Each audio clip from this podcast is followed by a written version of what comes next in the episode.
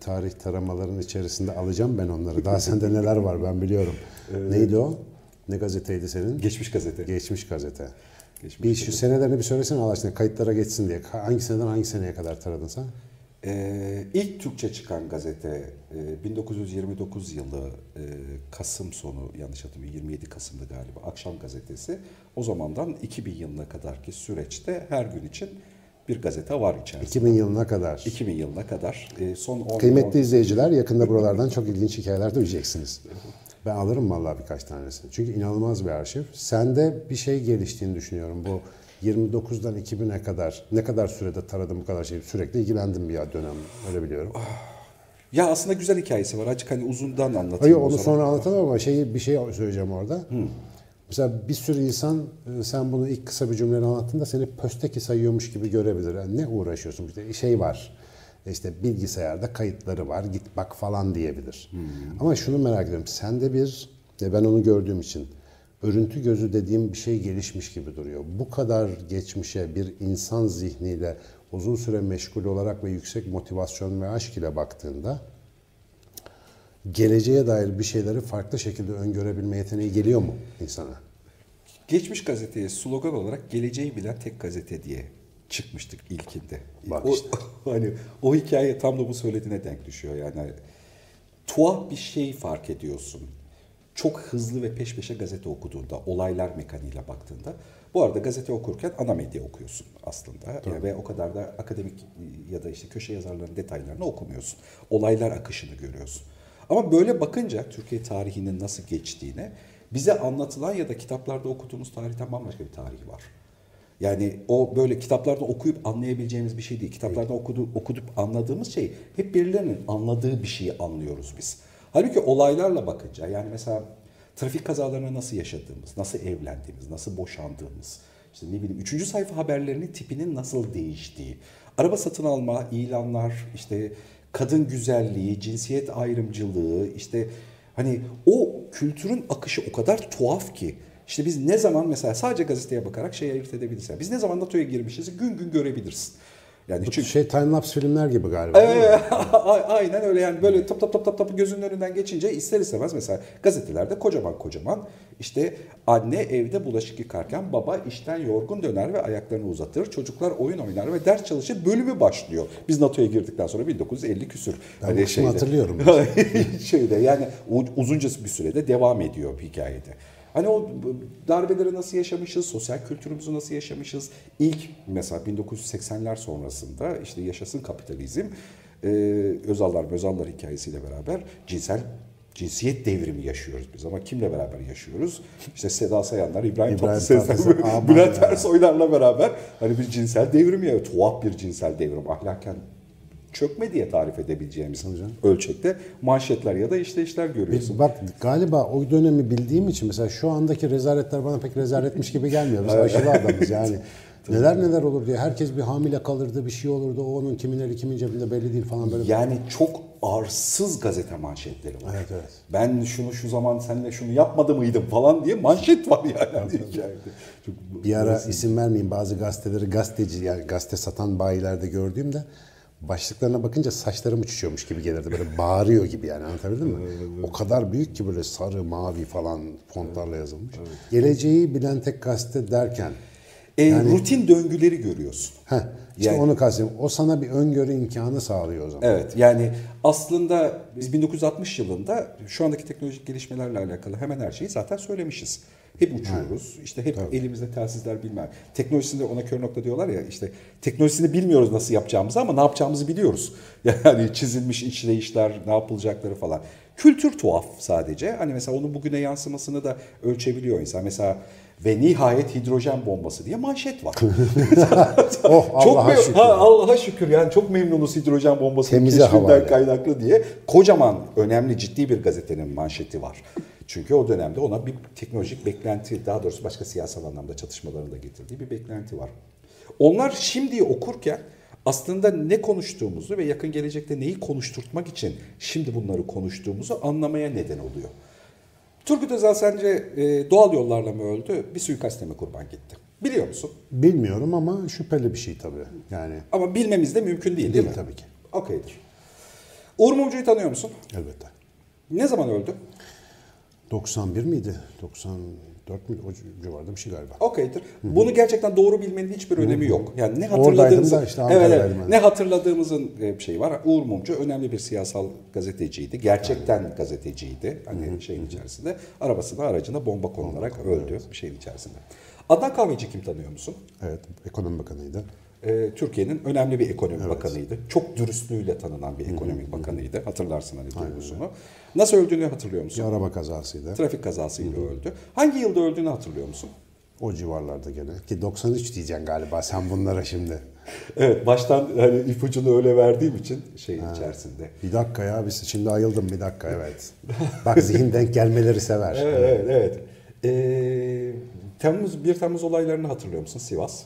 Ya tabii. Ee, Okuldaydım hatta o sırada. okuldaydım, otel yakıldı, içeride 37 kişi öldü falan falan hikayesi. Tarihini hatırlıyor musun? Şimdi artık biliyor olacaksın. Tövbeler olsun. Şeyde. 33 askerin otobüsten indirildiği zamanı hatırlıyor musun? İndirilip kurşuna dizildiği Evet. yolun kenarında. Çok Evet, teröristler oldu. Hepimiz çok duygusal olarak etkilendik. Tarihini hatırlıyor musun? 93. Eşref Bitlisi hatırlıyor musun? Uçağı buz tuttu Elbette. şeyin içerisinde. Helikopter Ee, düşmüştü. dü- düştü e, şeyde. O da mı aynı sene? etti 1993 senesinde. Şimdi tekrar soruyu soruyorum. Turgut Özal doğal yollarla mı öldü? Bir suikaste mi kurban gitti? Bilmiyorum. Şimdi ama ne kadar insan tuhafsıyor değil mi? Aynı dönemin bir cumhurbaşkanı, genelkurmay başkanı, ekonomi bakanı, önemli bir gazetecisi, iki tane toplumsal infial yapabilecek şeyi 1993 yılının içinde... Bu arada Turgut Özal da 1993 yılında öldü.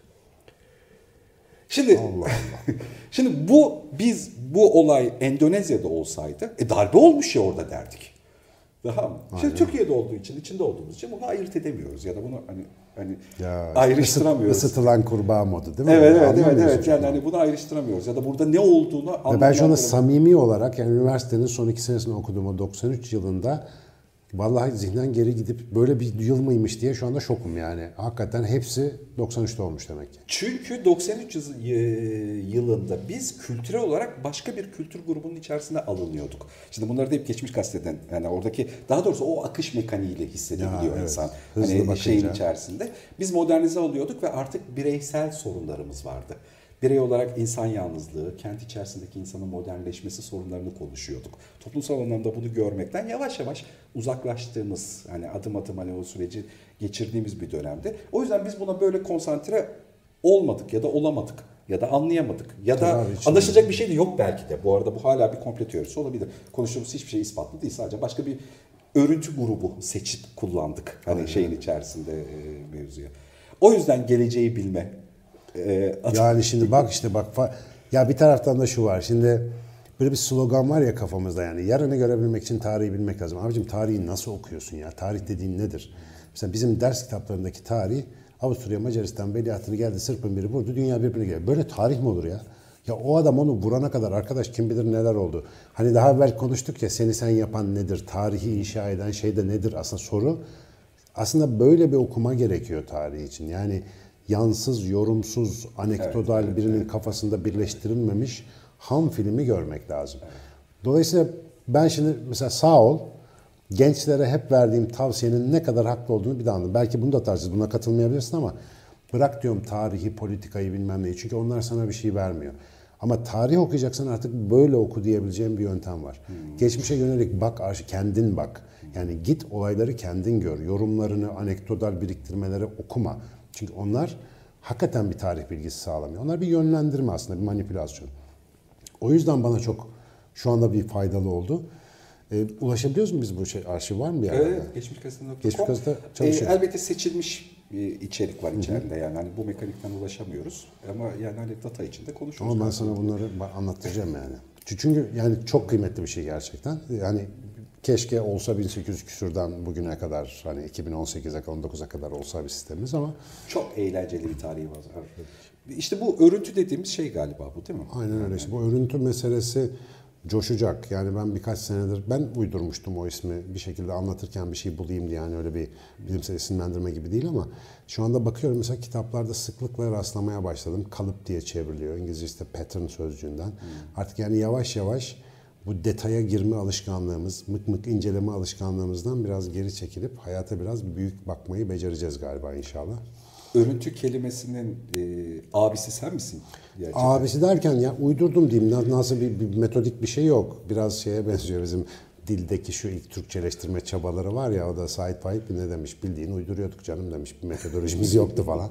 Ee, benim de biraz öyle çünkü şeyi sevmedim örüntüye kalıp demek hoş kalıp sınırlandırıcı bir şey ya kalıp tercümesi hoşuma gitmedi. Sonra biz işte yaşam okulunda örüntüler falan hep anlatıyordu arkadaş. Örüntü örüntü dedim ya bu kelime güzelmiş onlardan çaldım aslında. E, beynin bu algılama sistemi hakkında kullandım. Bayağı da bir oturdu. Benim de dilime oturdu. Hmm, Ve şimdi bununla ilgili de bir yeni çalışmam var inşallah. Onu da spoilerını buradan vereyim. Yani örüntü beyni üzerine bir şey yazacağım. Örüntü algılama sistemini biraz daha günlük hayatta hmm, yani aslında nasıl kullanıyoruz ve belki nasıl geliştirilebilir? İşte örüntüye dayalı eğitim diye bir şey var mesela. Şu anda çocuklara beş kutu karalatmaktansa bir başka yolu var. Zannediyorum. Tam emin değilim. Konuşacağız onu. Tamam konuşacağız. Onu da bir bölüm konusu yaparız. Bu arada Hicret'in bir sorusu var galiba konuyla alakalı. Doktorum senesinde yaşadıklarımızdan bahsettik. Bunları nasıl hatırlamadığımızdan. Hani bireysel olarak yaşadığımız bazı travmalardan e, daha az hasar alabilmek için bilinçsizce savunma mekanizmaları kullanıyoruz. Acaba toplumsal olarak da o senede böyle bir savunma mekanizması kullandık mı? Kullandıysak neler? Olmaz mı? Tabii yani acayip şeyler var. Şimdi bir kere travma, e, ben hani burada psikolog gibi konuşmayayım ama gene beyinci tarafından kendimi güvenceye alarak konuşuyorum. Ya, travma kaçınılmaz bir şey yani. Bir şekilde hayatta biz bunu yaşayacağız. Bir şekilde başımıza gelecek. Travma olmadan yani sıkışma olmadan zaten gelişme olmuyor bizde. Böyle bir durum var. Bir kere travmalar zaten bir araç.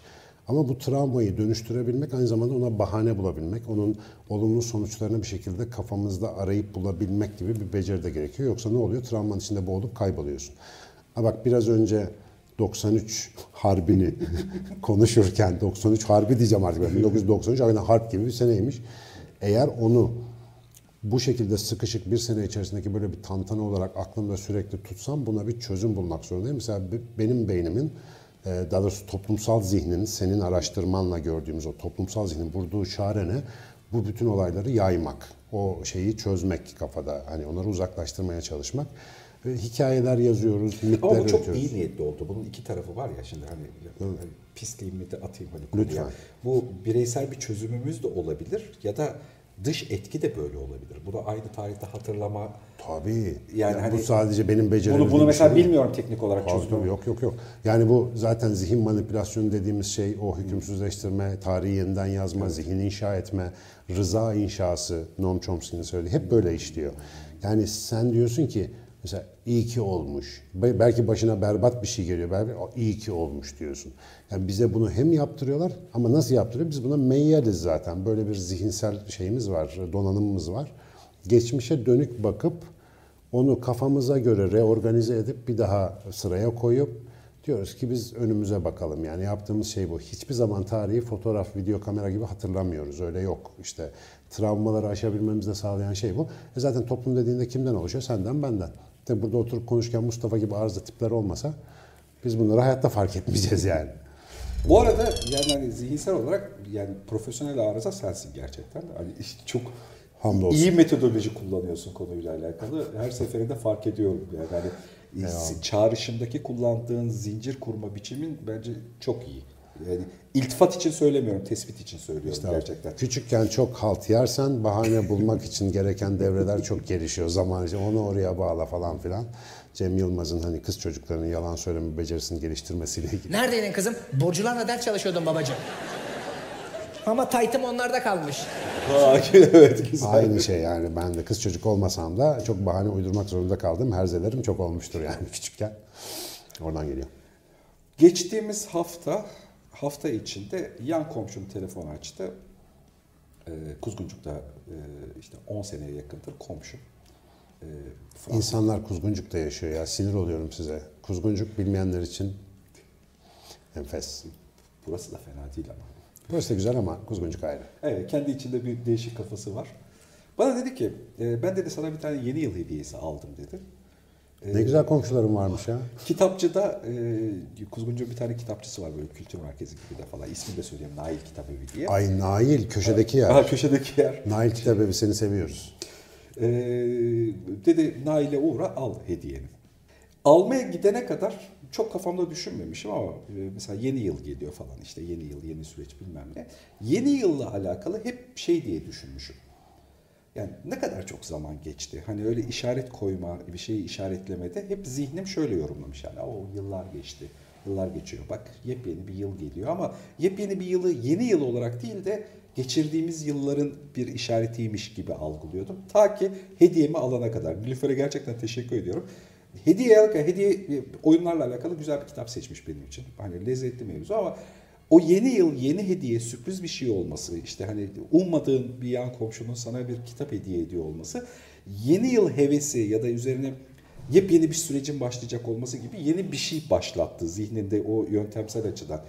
Ee, yani çok pişmanlıktan eğlen. ziyade umuta dönüştü. Umuda dönüştü evet. ya da yani böyle güzel bir şey olması umudu da dönüştü. Hani böyle insan kendi içinde düşünerek öğreniyor ya bir sürü şey yani hani çok rahatlıkla insan kendini şeye ikna edebilir her doğum günü, her yeni yıl geçmişi hatırlama bilmem neyle ilgili bir şeydir der ve bunun doğru olduğunu zannedebilir. Halbuki yepyeni bir şeyi fark edince doğru başka bir şeye evriliyor. Yani hani aksine bu dönem yeni bir şey düşünme, planlama, heyecan duyma falanla alakalı bambaşka şekilde de algılanabilir.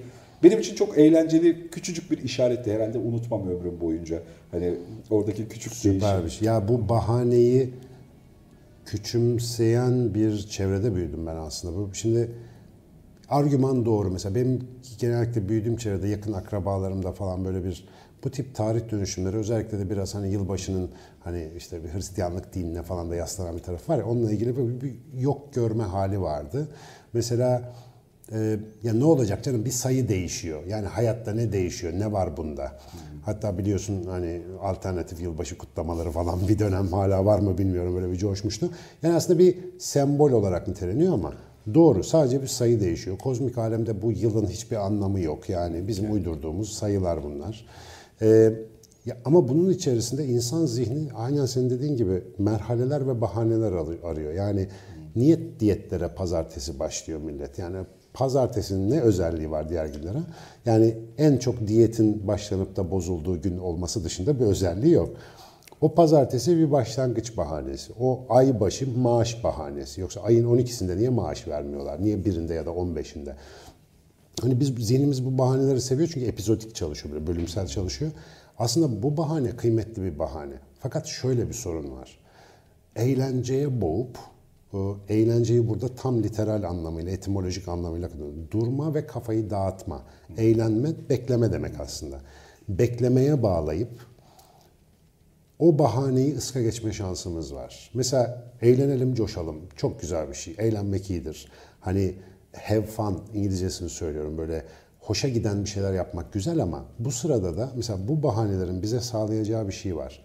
Ben birkaç senedir yani özellikle yılbaşı gecelerini bunun için değerlendirmeye çalışıyorum. Yani sanma ki evde böyle koku makuş gibi oturmuyorum öyle bir şey yok ama bir ara birkaç dakika ben bu bahaneyle neye cesaret edebilirim düşüncesi yerleşmeye başladığında o bahane çok işe yarıyor. Çünkü her bahane bir cesaret bahanesidir aynı zamanda.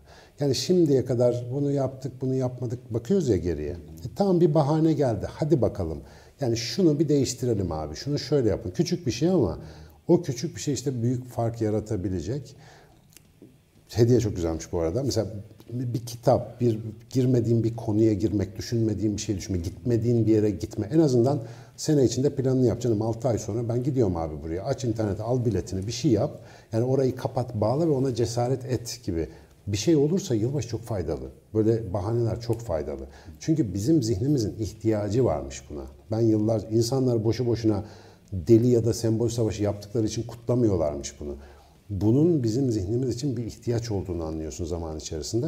Ve e, mesela geliyor da işte bir tane. Hı hı. 2019 oluyor değil mi? Çok geçmiş.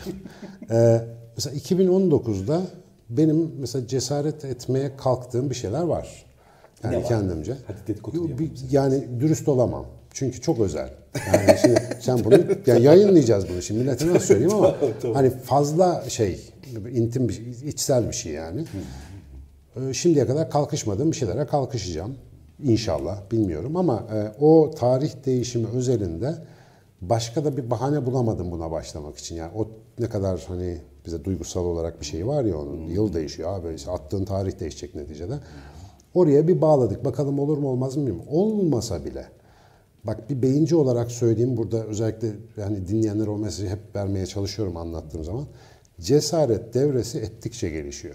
Yani cesaret ettikçe devre gelişiyor. Mesela 10 kere sigarayı bırakmaya çalıştım, lanet olsun bırakamadım. O tamamen bir kayıp değil. O cesaret ettin ya devre kuvvetleniyor. Gerçi arkadan başlama devresi de kuvvetleniyor ama yani gene de bir cesaret hamlesi. Öğreniyorsun onu yolda. Dolayısıyla yani cesaret etme bahanelerini kaçırmamak lazım. Öyle hafta başı diyete başlayıp da bozmak çok da kötü bir şey değil.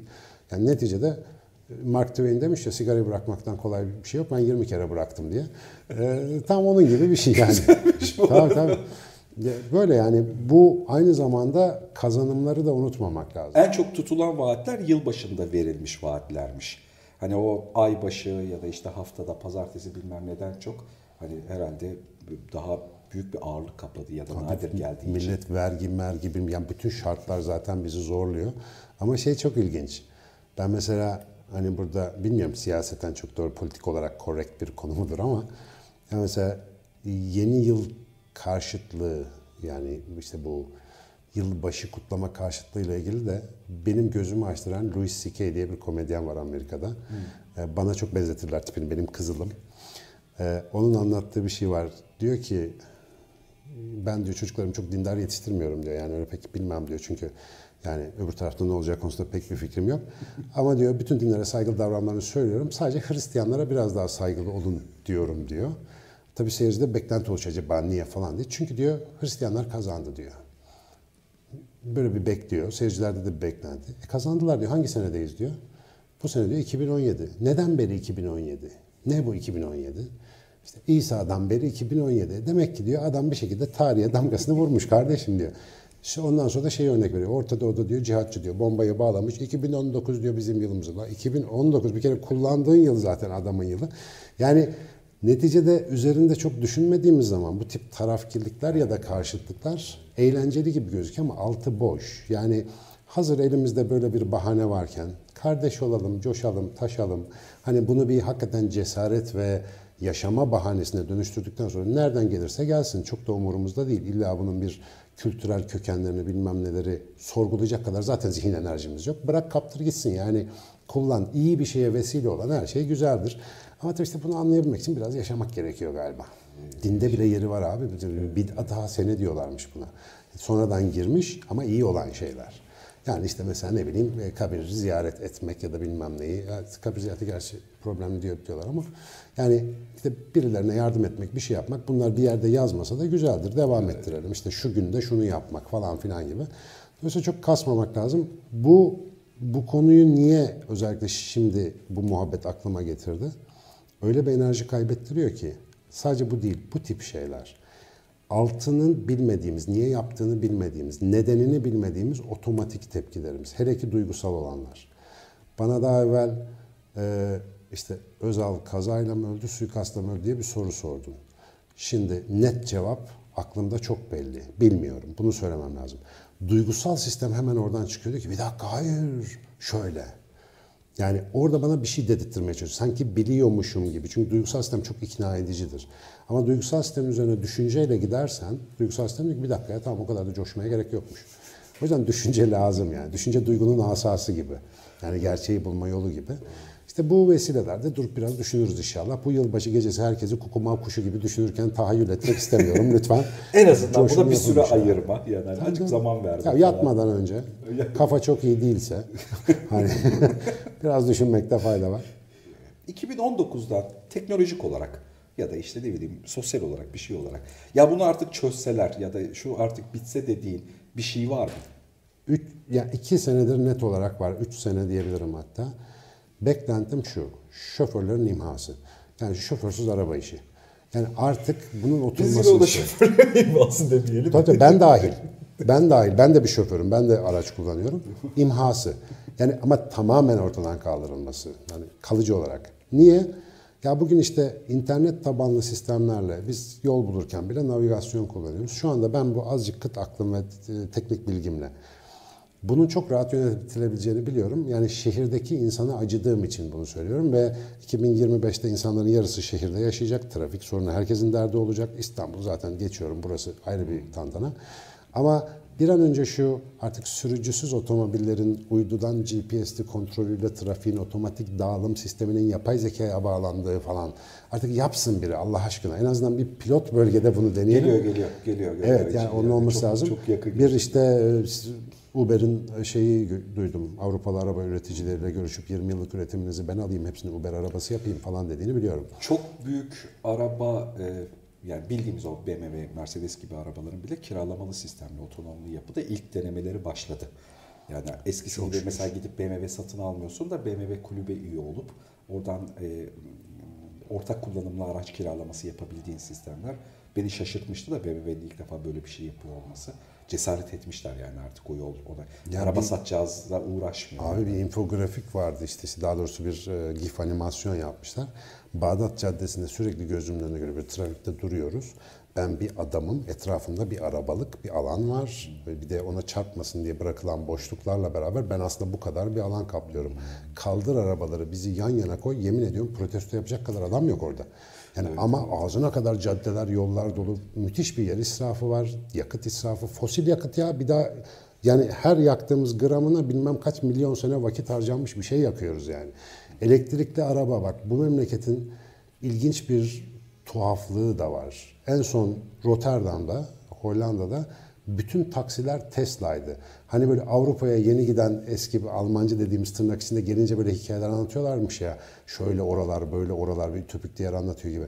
Buraya gelip benim oğlana söyledim işte Metehan'a. Dedim ki oğlum orada bütün taksiler Tesla. Çocuğun gözler belerdi. Halbuki Tesla dediğim bir araba, bir parası var veriyorsun. Devlet sübvanse ediyor. Diyor ki sen elektrikli arabayı al kullan sana al yarı fiyatına. Sana vergi de yok bilmem ne de yok. Yolda ses çıkmıyor ya. Taksi giderken ses çıkmıyor, duman çıkmıyor. Daha ne olsun?